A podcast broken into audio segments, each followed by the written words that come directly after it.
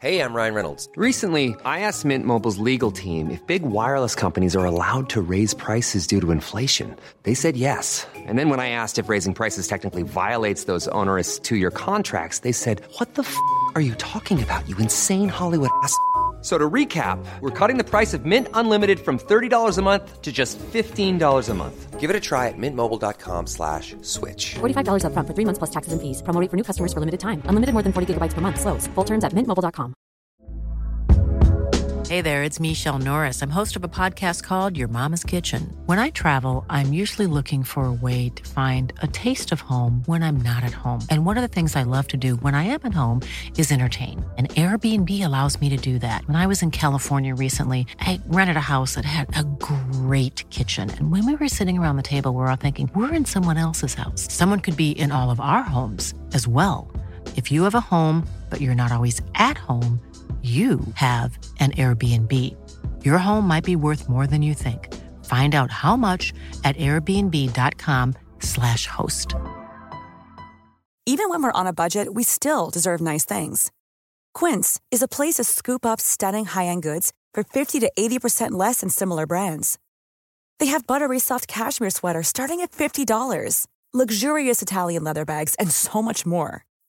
Plus, Quince only works with factories that use safe, ethical, and responsible manufacturing. Get the high-end goods you'll love without the high price tag with Quince. Go to quince.com slash style for free shipping and 365-day returns.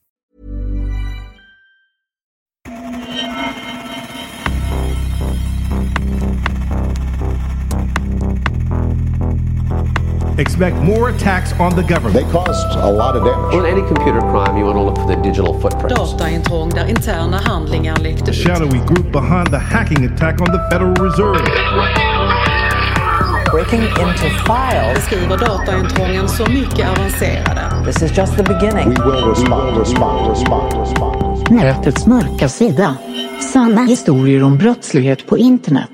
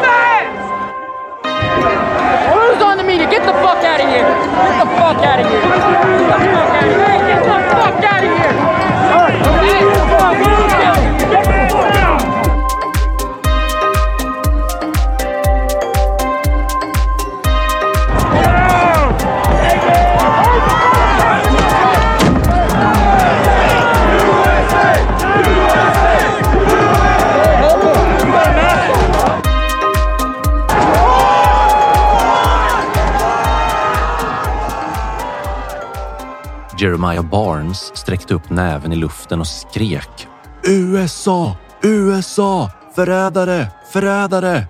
Han var så arg att han nästan inte visste vart han skulle ta vägen. I fyra år hade han sett med egna ögon hur de falska medierna hade svartmålat inte bara hans folkvalde president utan också han själv och hans vänner och familj. De fanns överallt, de där liberalerna som ville sabba allting. De som ville lägga en feministisk slöja över hela USA och krossa de gamla fina värderingarna från förr. För att inte tala om de där satans bögarna, flatorna och transorna som visade upp sina perversioner i prideparaderna. De var värst av alla, tänkte han för sig själv när han gick i demonstrationståget som slingrade sig upp genom Lincoln Park i Washington DC. Jeremiah höll en stor sydstatsflagga i handen där han gick och han var inte ensam. Runt omkring honom gick tusentals andra demonstranter som alla hade sina egna anledningar att vara riktigt arga på medierna, Joe Biden och hela valsystemet. Redan innan han reste in till DC så hade Jeremiah ställt in sig på att det här kunde sluta våldsamt. Så han hade bestämt sig för att vara försiktig och inte sticka ut. Han hade klätt sig i väldigt mörka kläder helt utan tryck. Han hade på sig svarta solglasögon som dolde ögonen, en svart balaklava över resten av huvudet och en sån där buff som man kan ha som halsduk över hela ansiktet. På buffen fanns det inget tryck. Den var också helt svart, precis som hela Jeremiah. Det enda som inte var svart, det var sydstatsflaggan i hans hand. Hans egen mamma skulle inte ha kunnat känna igen honom under alla lager av svarta kläder och det var ju precis det han ville. Han hade hört skräckhistorier om folk som hade blivit igenkända på videos på andra demonstrationer för att de hade haft på sig kläder som gick att känna igen. Och enligt ryktena så hade de fått påhälsning av våldsverkarna i Antifa några dagar senare som ett brev på posten. Som att han skulle vara del av en fasciströrelse liksom. Det var ju löjeväckande att någon ens kunde tänka så. Han utnyttjar ju bara sin rätt att demonstrera mot allt som var förljuget i det moderna USA. Mot att de svarta plötsligt ville ha lika stor rätt som han. Att kvinnor plötsligt ville ha lika stor rätt som han. Att de där äckliga homosarna ville ha lika stor rätt som han helt plötsligt. Äckligt alltihop, tänkte han. Och allt berodde på de där jävla demokraterna och liberalerna som nu hade gått långt över gränsen och fejkat och fuskat sig fram till seger i valet. Men nu var det stopp. På riktigt. Nu skulle han visa dem vem som bestämmer och som sagt, han var ju inte ensam.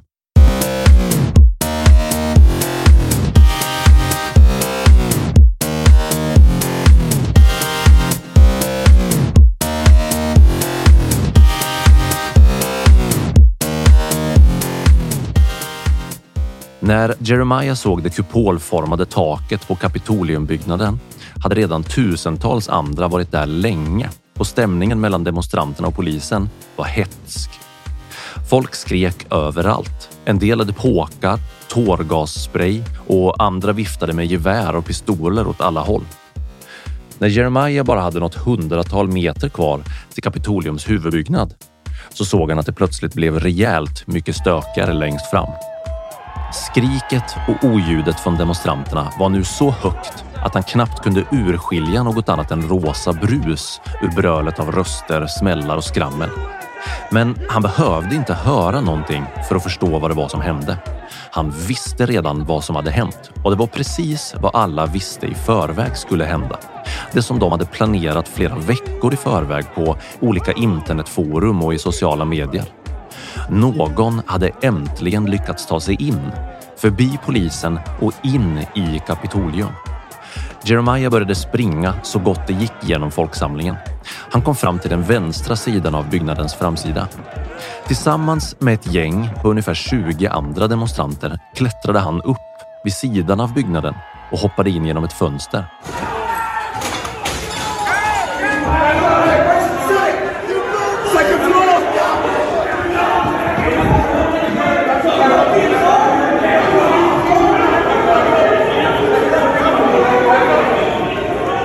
Det första Jeremiah gjorde när han kom in var att skrika USA, USA, förrädare, förrädare igen och igen och vifta frenetiskt med sin sydstatsflagga. I tumultet utanför plenisalen så hördes ett skott. Alla demonstranterna flydde undan och under några sekunder så såg han en kropp ligga på golvet utanför. Men sen tog det bara några sekunder till innan allt oljud började igen och Jeremiah fortsatte att vifta med sin flagga. Och sen... Ja, sen visste han inte riktigt vad han skulle göra faktiskt. Några på internetforumen hade ju pratat om att kidnappa och kanske döda alla liberala politiker som de kunde få tag i. Men det ville han ju absolut inte göra. Han var ingen mördare. Han ville inte kidnappa någon. Han ville bara visa sitt missnöje och det hade han ju verkligen gjort nu. Så han ställde sig bara mitt i korridoren och fortsatte vifta med sin sydstatsflagga medan de andra demonstranterna sprang förbi honom. Efter bara tio minuter så tröttnade Jeremiah och knallade helt enkelt ut ur huvudingången. Förbi poliserna som försökte hindra fler demonstranter från att ta sig in. Förbi demonstranterna som skrek “Biden is a pedo! Biden is a pedo!” Förbi motdemonstranterna. Förbi alla mediernas videokameror och så fortsatte han att gå. På vägen ut ur Kapitolium så såg han flera demonstranter som låg på marken. Antingen ensamma eller bredvid sjukvårdare som försökte få liv i dem. Den upphåsade känslan av att inget skulle kunna stoppa honom som han hade haft en halvtimme innan i demonstrationståget. Den var som bortblåst nu. Han ville bara hem. Så han fortsatte att gå och gå och gå och när han äntligen efter nästan 40 minuters promenad i de nu totalt genomsvettiga svarta kläderna kom fram till sin silverfärgade pickup, en Dodge Ram, då var hans huvud helt tomt. Det var helt blankt. Han satte sig i bilen och körde hemåt igen. Dagen därpå så gick han till jobbet på byggfirman, precis som vanligt och inget annat hände egentligen. På tv på kvällen så kunde han se förödelsen efter stormningen och han började långsamt få en känsla av att allt det här var egentligen lönlöst. Att demonstrationen och hela stormningen inte hade gett ett skit mer än att ge gratis bra PR åt Demokraterna och Liberalerna. Och sen knackade på dörren. Utanför stod två FBI-agenter och visade sina idén och längre bak stod två till med automatvapen i händerna som stod redo att ingripa. Jeremiah följde med frivilligt. Han blev en av de över 80 personer som hittills har gripits för deltagande i stormningen av Kapitolium. Han var en av dem som identifierades med hjälp av videoklipp inifrån Kapitolium. Men tänker du kanske nu, hur kunde polisen veta att det var han? Han hade ju helt svarta kläder utan några som helst kännetecken. Han hade ju ballaklava över hela ansiktet och svarta solglasögon som dolde ögonen på honom. Och som om inte det var nog så hade han ju dessutom haft en buff över ansiktet också. Så hur gick det till? Jo, det som hände var att FBI använde sig av en programvara för ansiktsigenkänning. Ett AI-program som till och med kan identifiera folk som är maskerade. De hade använt Clearview AI för att sätta dit honom.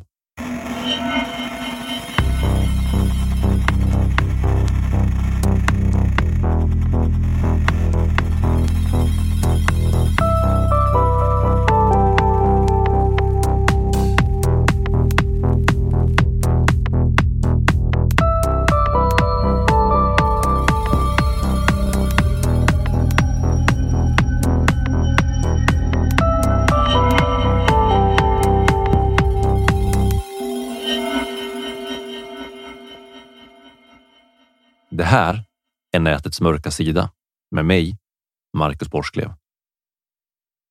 Efter stormningen av Kapitolium så tog FBI emot över 100 000 olika film och ljudklipp som tips från allmänheten och medierna. Det var en guldgruva av information för myndigheterna om de visste hur de skulle utnyttja den. Och det gjorde de rejält. Med hjälp av ansiktsigenkänning och andra metoder så lyckades polisen gripa ett stort antal personer som deltog i stormningen av Kapitolium. Användningen av ansiktsigenkänning spikade rakt upp i taket hos polismyndigheterna i USA efter Kapitoliumincidenten. Men hur gjorde de? Hur fungerar ansiktsigenkänning egentligen? Och vad är skillnaden mellan vanlig ansiktsigenkänning som har funnits ganska länge och den nya generationens ansiktsigenkänning som bygger på artificiell intelligens. Och hur kommer Clearview AI in i bilden? Gillar du den här podden? Skulle du vilja höra fler avsnitt? Då vill jag be dig att stödja nätets mörka sida på patreon.com. Som Patreon så får du tillgång till mängder med exklusivt material som till exempel unika bonusavsnitt som inte är tillgängliga för allmänheten. Behind the scenes videos, eh, merchandise och en massa annat kul. Men framför allt så hjälper du mig att göra fler och bättre avsnitt genom att stödja podden på Patreon. Jag lägger ner någonstans mellan 30 till 60 timmar per avsnitt för att skriva manus, göra research, spela in, komponera musik och redigera och mina patrons är den enda inkomstkällan för den här podcasten just nu. När du stödjer nätets mörka sida på Patreon så bidrar du till att jag kan fortsätta göra intressanta avsnitt som du kan lyssna på. Gå in på www.patreon.com natets mörka sida och upptäck allt som du får tillgång till som Patreon. www.patreon.com natets mörka sida. Länken finns också i infotexten till varje avsnitt av podden. Tack för ditt stöd!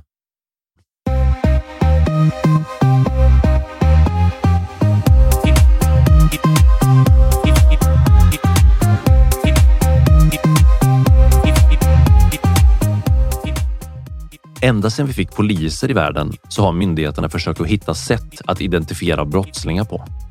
Förr i tiden så användes affischer med efterlysningar och teckningar och fantombilder, det är något som används än idag. Och när vi väl trädde in i övervakningseran som vi lever i nu så svämmade mängden tillgänglig information med bilder och filmer på människor nästan över. Det finns så mycket information i form av foton och filmer tillgängliga nu att problemet för polisen inte längre ligger i att få fram bilder på förövarna utan att sålla och bearbeta informationen för att få fram någonting användbart. Att bearbeta data, bilder och filmer, det tar tid. Lång tid. Och det är där som programmen för ansiktsigenkänning kommer in i bilden. Automatisk ansiktsigenkänning med hjälp av datorprogram det är en ganska gammal företeelse. Vi får gå tillbaka ända till 1960-talet för att hitta ursprunget som var ett program på en dator som kallades för Man Machine och det byggdes av ett litet team med ingenjörer och forskare i USA.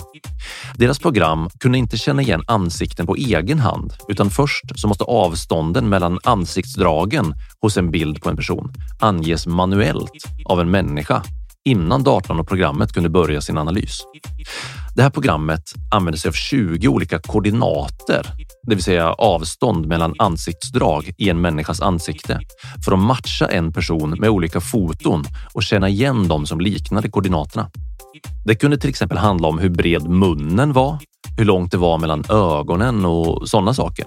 Det var som ett slags litet embryo till det som vi idag kallar för biometriska data det vill säga data som härrör till en specifik individs biologiska kännetecken som kan mätas och katalogiseras elektroniskt för igenkänning.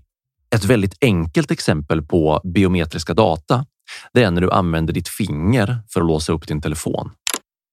Ett årtionde senare, på 70-talet, så lanserade japanen Takeo Kanade en av världens främsta datorforskare, ett helt nytt ansiktsmatchningssystem som kunde räkna ut koordinaterna på egen hand och matcha bilder mot en person utan att en människa behövde starta igång processen för hand. Men tyvärr så var både Takeo Kanades och de amerikanska forskarnas system rent ut sagt skitdåliga.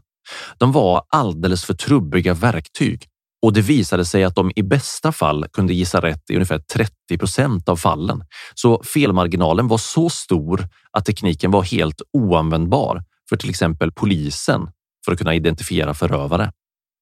Det skulle dröja ända fram till 1993 innan någonting riktigt vettigt började hända och då var det DARPA, Defense Advanced Research Project Agency och arméns forskningslaboratorium i USA som uppfann en ny ansiktsigenkänningsteknologi som de kallade för Ferret.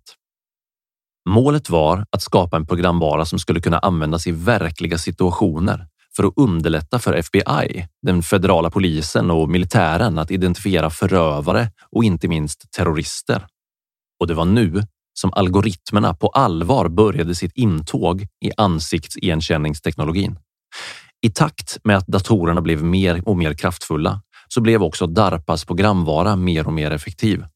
Och snart så kom det flera avknoppningar från de här militära projekten fram på marknaden. Och det dök upp flera privata företag som sålde sina egna varianter av DARPAs program till högstbjudande.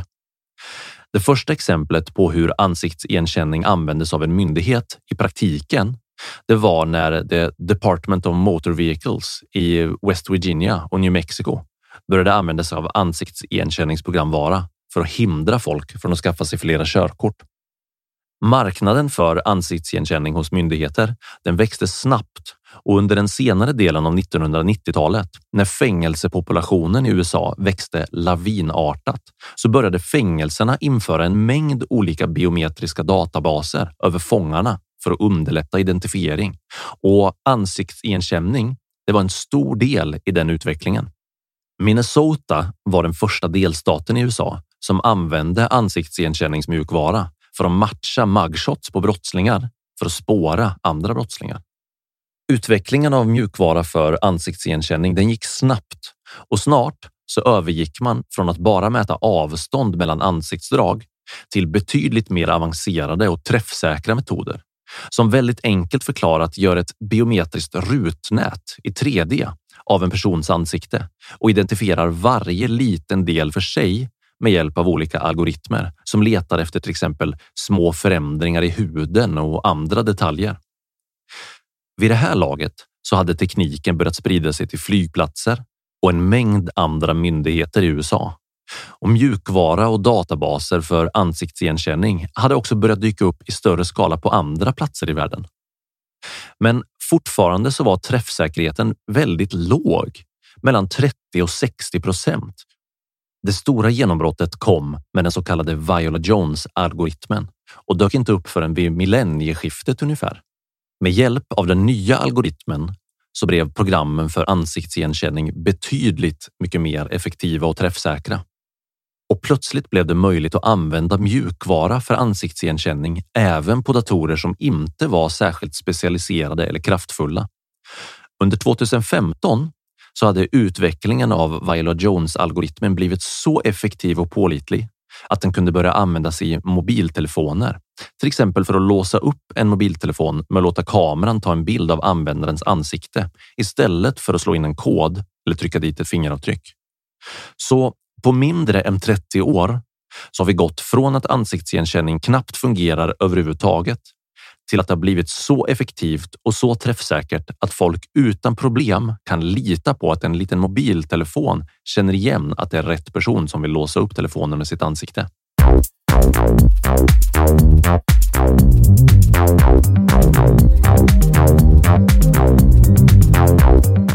Men Clearview AI, företaget vars programvara hjälpte FBI och polisen att identifiera demonstranterna inne i Kapitolium, det är något helt annat än de små kodsnuttarna som hjälper din telefon att känna igen ditt ansikte när du vill slippa slå in din lösenkod. Clearview AI använder sig av maskininlärning och något som de själva kallar för ett neuralnät av artificiell intelligens för att känna igen ansikten med sin programvara. Och de gör det helt sjukt bra.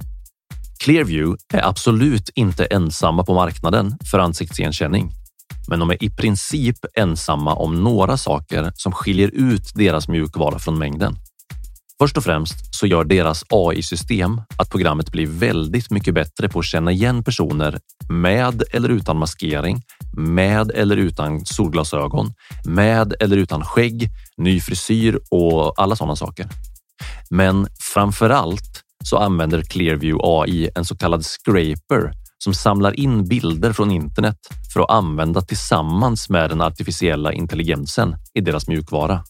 Jaha, vad är en scraper då? Kanske du frågar dig nu. En scraper är väldigt förenklat ett ganska simpelt program som helt enkelt skannar av internet och letar efter något som är förutbestämt av användaren. Det kan till exempel vara filmer, bilder, vissa typer av text eller andra filer som man vill hitta.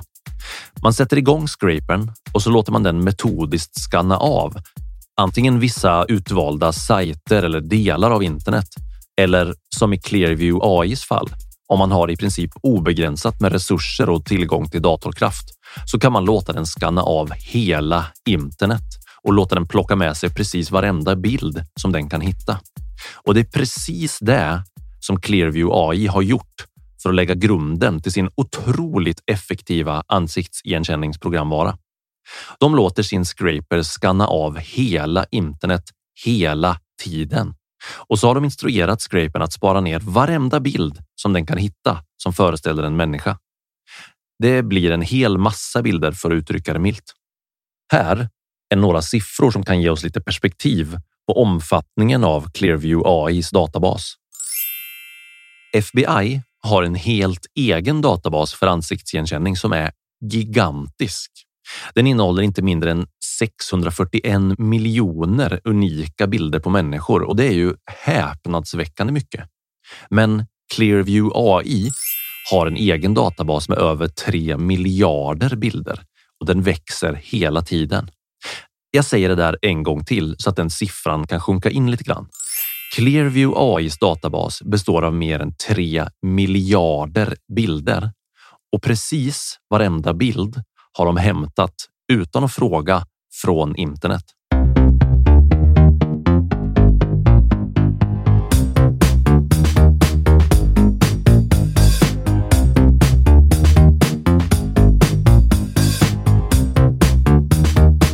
Men vänta nu lite, får man verkligen göra så? Får man verkligen köra ett sånt här scraper-program och ladda ner varenda bild som man hittar på hela internet? Är det inte olagligt att spara ner folks bilder utan att fråga liksom? Ja, ja, nej, uh, alltså ja, jo, nej, eller ja, ja, kanske, ja, uh.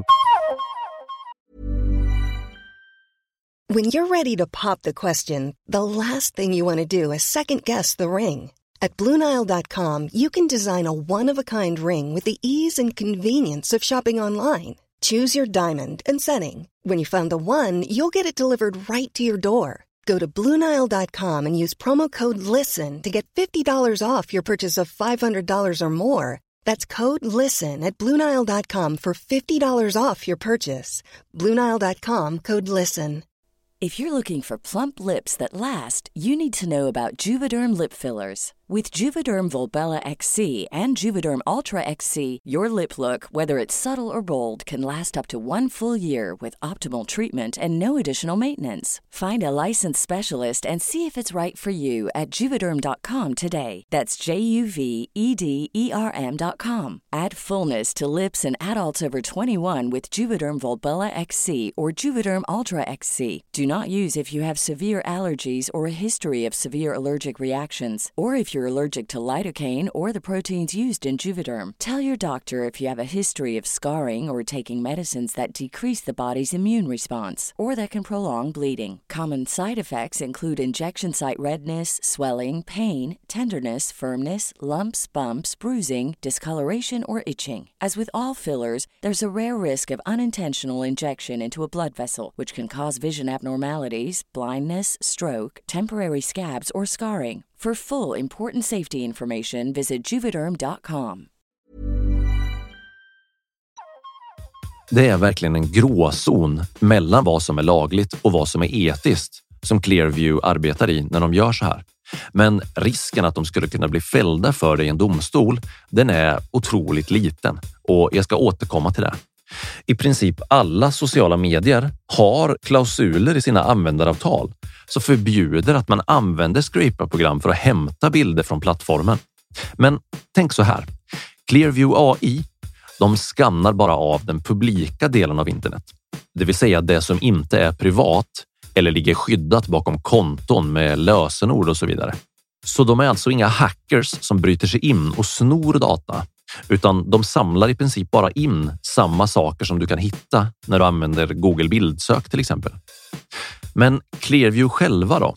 Vad säger de om etiken bakom deras tjänst?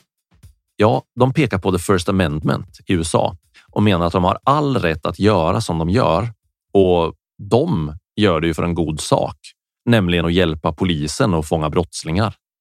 Men du kan också tänka så här. Om du någon gång i ditt liv från och med 2017 och framåt har haft ett konto på någon social mediasajt där du inte omedelbart har ställt in din profil som privat direkt innan du la upp en enda bild, då finns alla de bilderna garanterat i Clearview AIs databas. Om du någon gång har haft en blogg, en hemsida eller varför inte bara en profilbild på Twitter eller Facebook eller Tinder, då finns den i Clearview AIs databas. Om du har missat att Facebook har ändrat sina sekretessinställningar hux flux och du inte har ändrat tillbaka det direkt för alla dina bilder, då finns alla dina bilder i Clearview AIs databas. Och Instagram ska vi inte ens börja prata om. Eller Google bilder eller Apples iCloud fotos. Så för att sammanfatta lite här då. Clearview AI har samlat ihop mer än 3 miljarder bilder på folk helt utan att fråga dem, helt utan deras vetskap på ett sätt som kanske inte är direkt olagligt, men moraliskt definitivt väldigt tveksamt. Och sen har de gjort det här gigantiska och ständigt växande bildbiblioteket till grunden för sin affärsidé genom att utveckla en slags artificiell intelligens som kan arbeta med den enorma datamängden och känna igen ansikten med en nästan otäckt träffsäker precision. För att förtydliga. Det finns inget annat företag som ens är i närheten av Clearview AI när det gäller att kunna identifiera personer på foto och film. Träffsäkerheten ligger mellan 96 och 100 procent, även med full maskering och solglasögon på.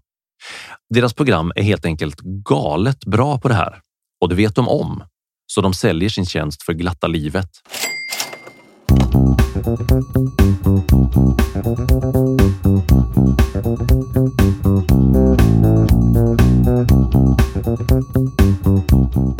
Så vilka säljer Clearview sin mjukvara till?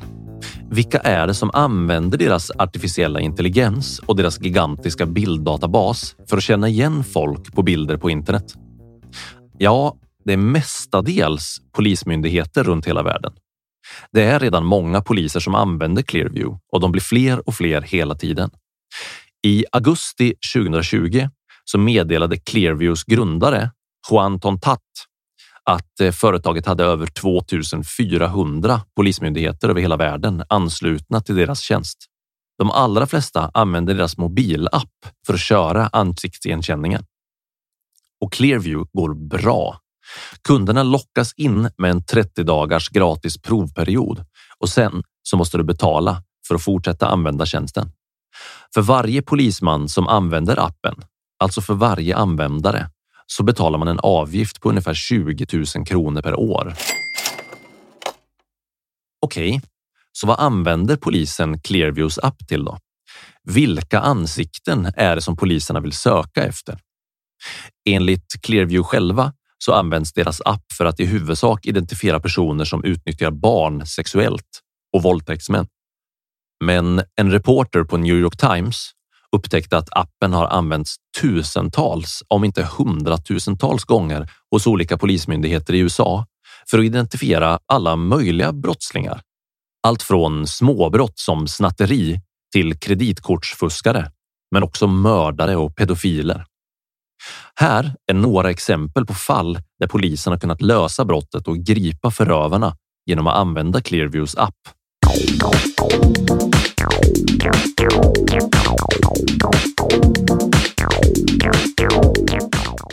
I februari 2020 så började två män bråka i en park i Indiana och det slutade med att den ena mannen sköt den andra i magen med en pistol. Ett vittne tog bilder av händelsen med sin mobil och skickade till polisen. När polisen körde bilderna genom Clearviews app så fick de omedelbart en massa träffar på bilder och videos från sociala medier där den här mannen fanns med. Och utan Clearview-appen så hade polisen aldrig kunnat identifiera mannen på det här sättet. För han fanns nämligen inte med i något av polisens egna register eftersom han inte hade något körkort. Han var aldrig dömd för något brott sedan tidigare och han hade aldrig blivit registrerad med biometriska data. Efter det så blev The Indiana State Police Department Clearview AIs första betalande kunder.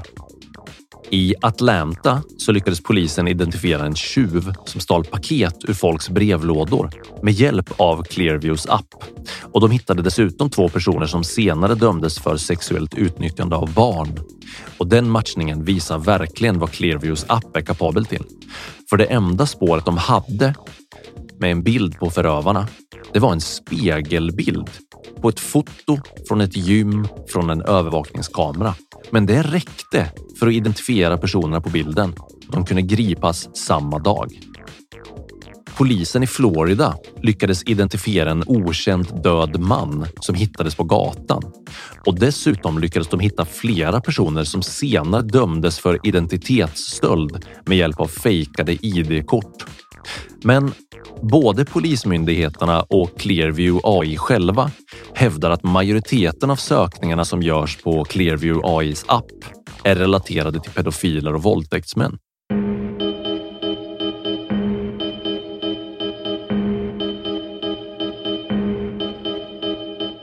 Ta och fundera över det här en liten stund. År 2004 identifierade det nationella centret för försvunna och utnyttjade barn i USA 450 000 nya bilder på internet som visade våldtäkter och sexuellt utnyttjande av barn. Hur många tror du att de identifierade 2018? Svaret är så häpnadsväckande otäckt att jag knappt vill läsa upp det. 2018 så identifierade Centret för försvunna och utnyttjade barn 45 miljoner bilder. Och då pratar vi inte om gamla bilder som har tagits förr och dykt upp igen i nya polisutredningar. Nej, vi pratar om 45 miljoner nya unika bilder som polisen tillsammans med det här centret hittade på ett enda år. Det är en ökning på typ 100 gånger. Det är så mycket att jag nästan vill spy rakt in i mikrofonen nu när jag läser upp det. Och 2018, det är tre år sedan. Vad har hänt sedan dess? Fundera på det. Med de här siffrorna i bakhuvudet så är det ganska lätt att tänka att det här med Clearview AI är egentligen ganska bra, eller hur? Om polisen kan använda ansiktsigenkänning i Clearview-appen för att sätta dit människor som våldtar barn, så okej, okay, go ahead. Vad är problemet liksom? Ja, det finns flera problem som verkligen behöver diskuteras och de är allvarliga. you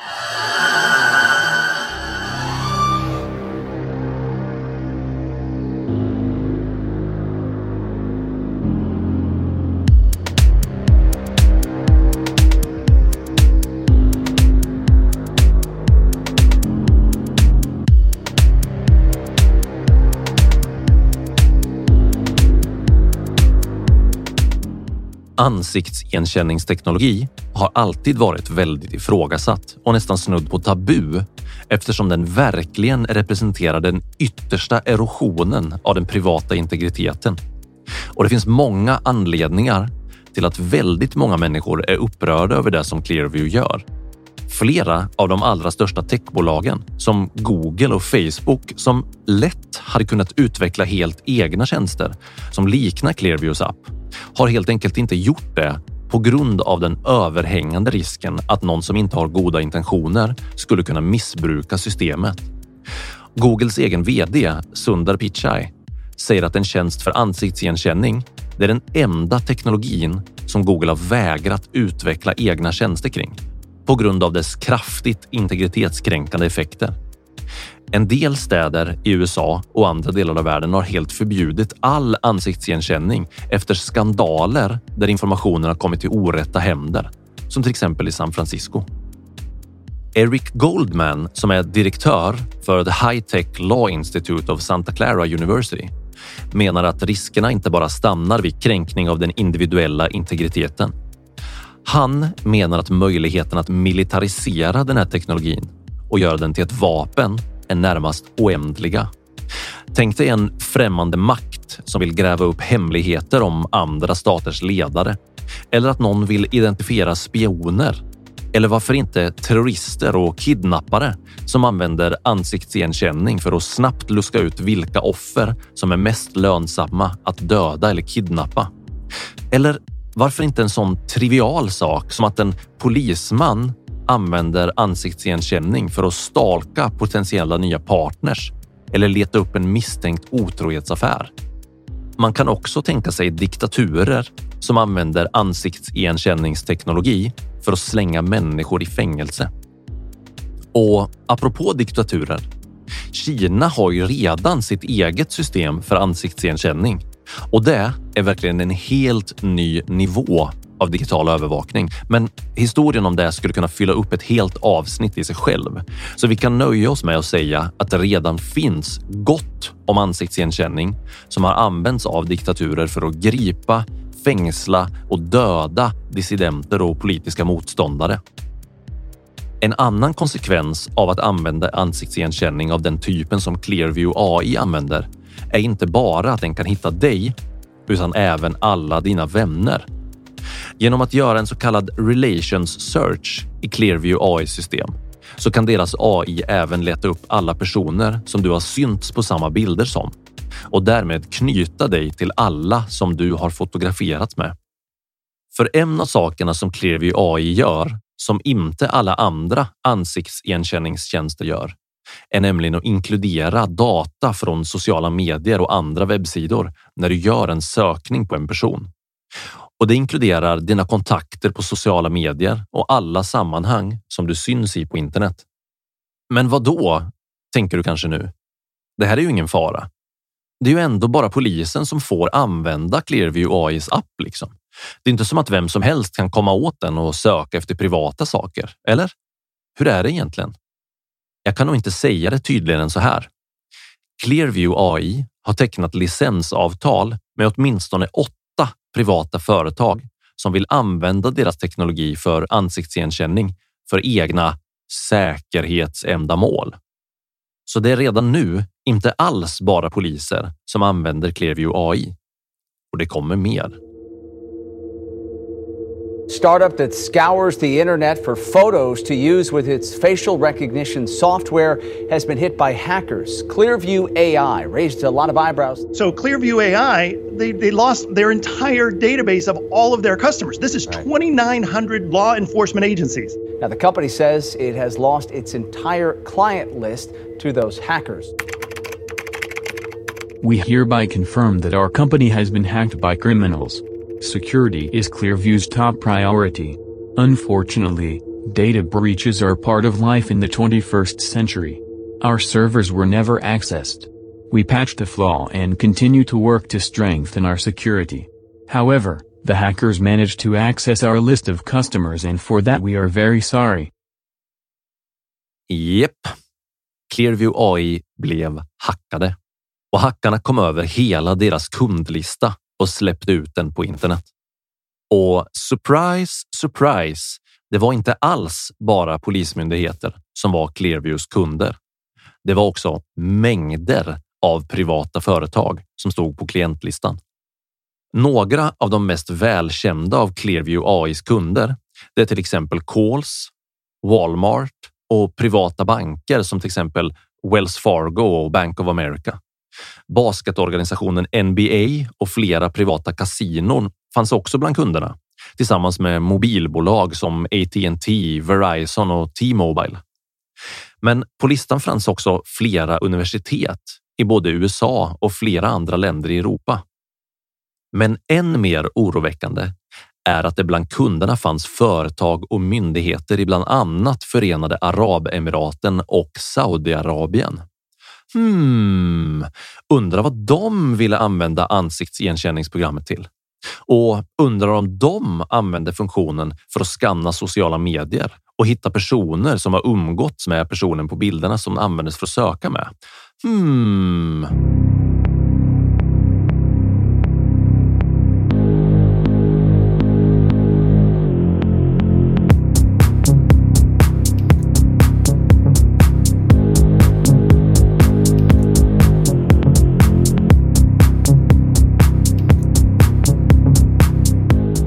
Förutom polismyndigheter i USA så fanns också polisen i följande länder med på den hackade kundlistan. Australien, Belgien, Brasilien, Kanada, Danmark, Finland, Frankrike, Irland, Indien, Italien, Litauen, Malta, Nederländerna, Norge, Portugal, Serbien, Slovenien, Spanien, Schweiz, Storbritannien och Sverige. Jepp. Även den svenska polisen har använt Clearview AIs tjänster flitigt.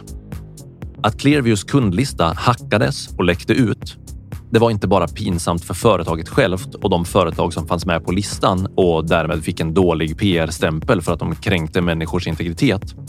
Det var också en smärtsam varningsklocka för alla som trodde på Clearview AI när de hävdade att de bara hade goda intentioner och ville tillhandahålla en tjänst för att hjälpa polisen att fånga pedofiler. Vad hände sen då? Jo, efter hacket så började saker och ting röra sig kring Clearview AI och det första nederlaget för Clearview kom från Kanada. De kanadensiska myndigheterna påbörjade en förundersökning mot Clearview AI som mynnade ut i ett totalt förbud mot tjänsten i Kanada. De kom fram till att Clearviews insamling av ansiktsigenkänningsdata är olaglig eftersom den bryter mot Kanadas federala och provinsiella integritetslagar. Enligt det kanadensiska förbudet är Clearviews bildinsamling från internet inget annat än olaglig massövervakning som kränker alla kanadensiska medborgares rättigheter till ett privatliv. Att Clearview AI dessutom har samlat in alla data utan att be om lov från människorna eller tjänsterna som har blivit övervakade gör det hela ännu värre. Och Kanada blev startskottet på flera andra utredningar i andra länder som påbörjades efter att förbudet i Kanada gick igenom i februari 2021.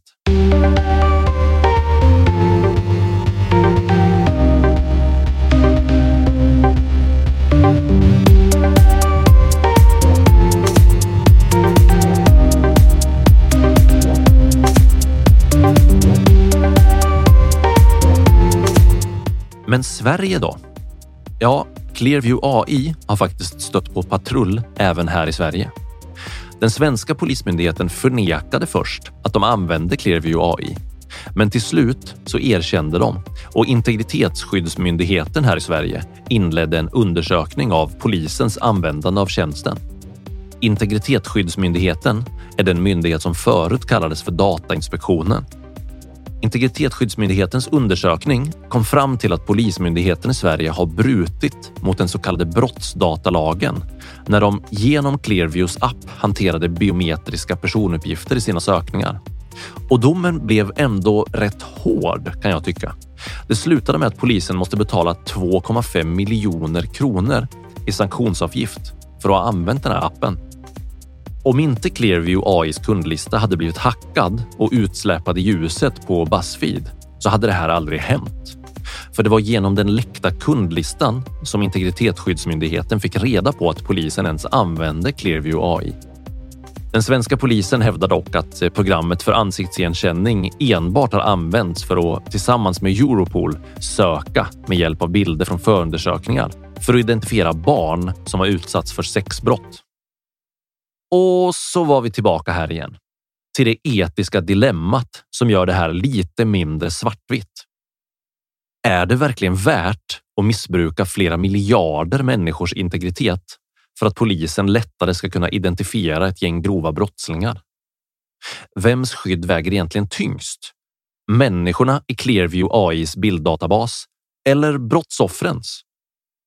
Jag vet inte och jag vill inte peka med någon moralisk pekpinne och tala om för dig vad du ska tycka. Jag nöjer mig med att konstatera det här.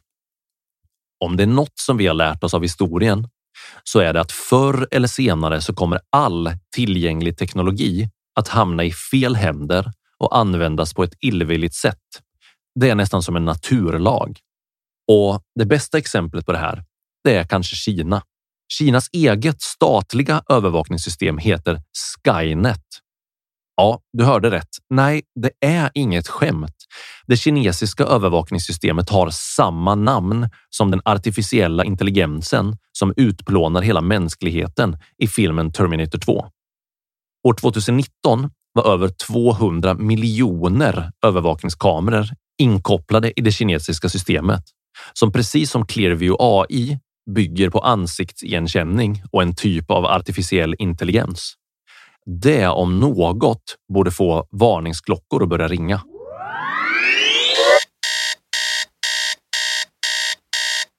Slaget om människors integritet på internet är definitivt inte över. Det kan vi vara helt säkra på. Och Kinas egna planer för Skynet är att täcka in 100 procent av den kinesiska befolkningen inom bara ett par år och de är på god väg att lyckas. Det här är nätets mörka sida med mig, Marcus Borsklev.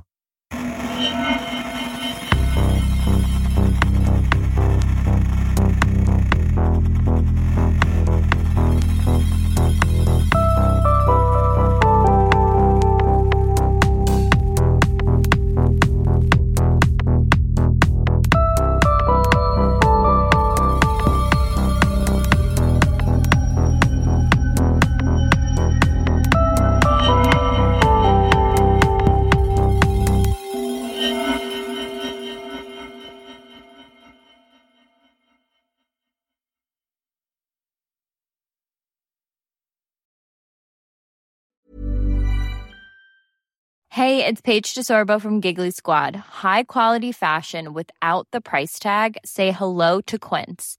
I'm snagging high-end essentials like cozy cashmere sweaters, sleek leather jackets, fine jewelry, and so much more. With Quince being 50 to 80% less than similar brands. And they partner with factories that prioritize safe, ethical, and responsible manufacturing. I love that. Luxury quality within reach. Go to quince.com slash style to get free shipping and 365 day returns on your next order. Quince.com slash style. Even when we're on a budget, we still deserve nice things. Quince is a place to scoop up stunning high-end goods for 50 to 80% less than similar brands.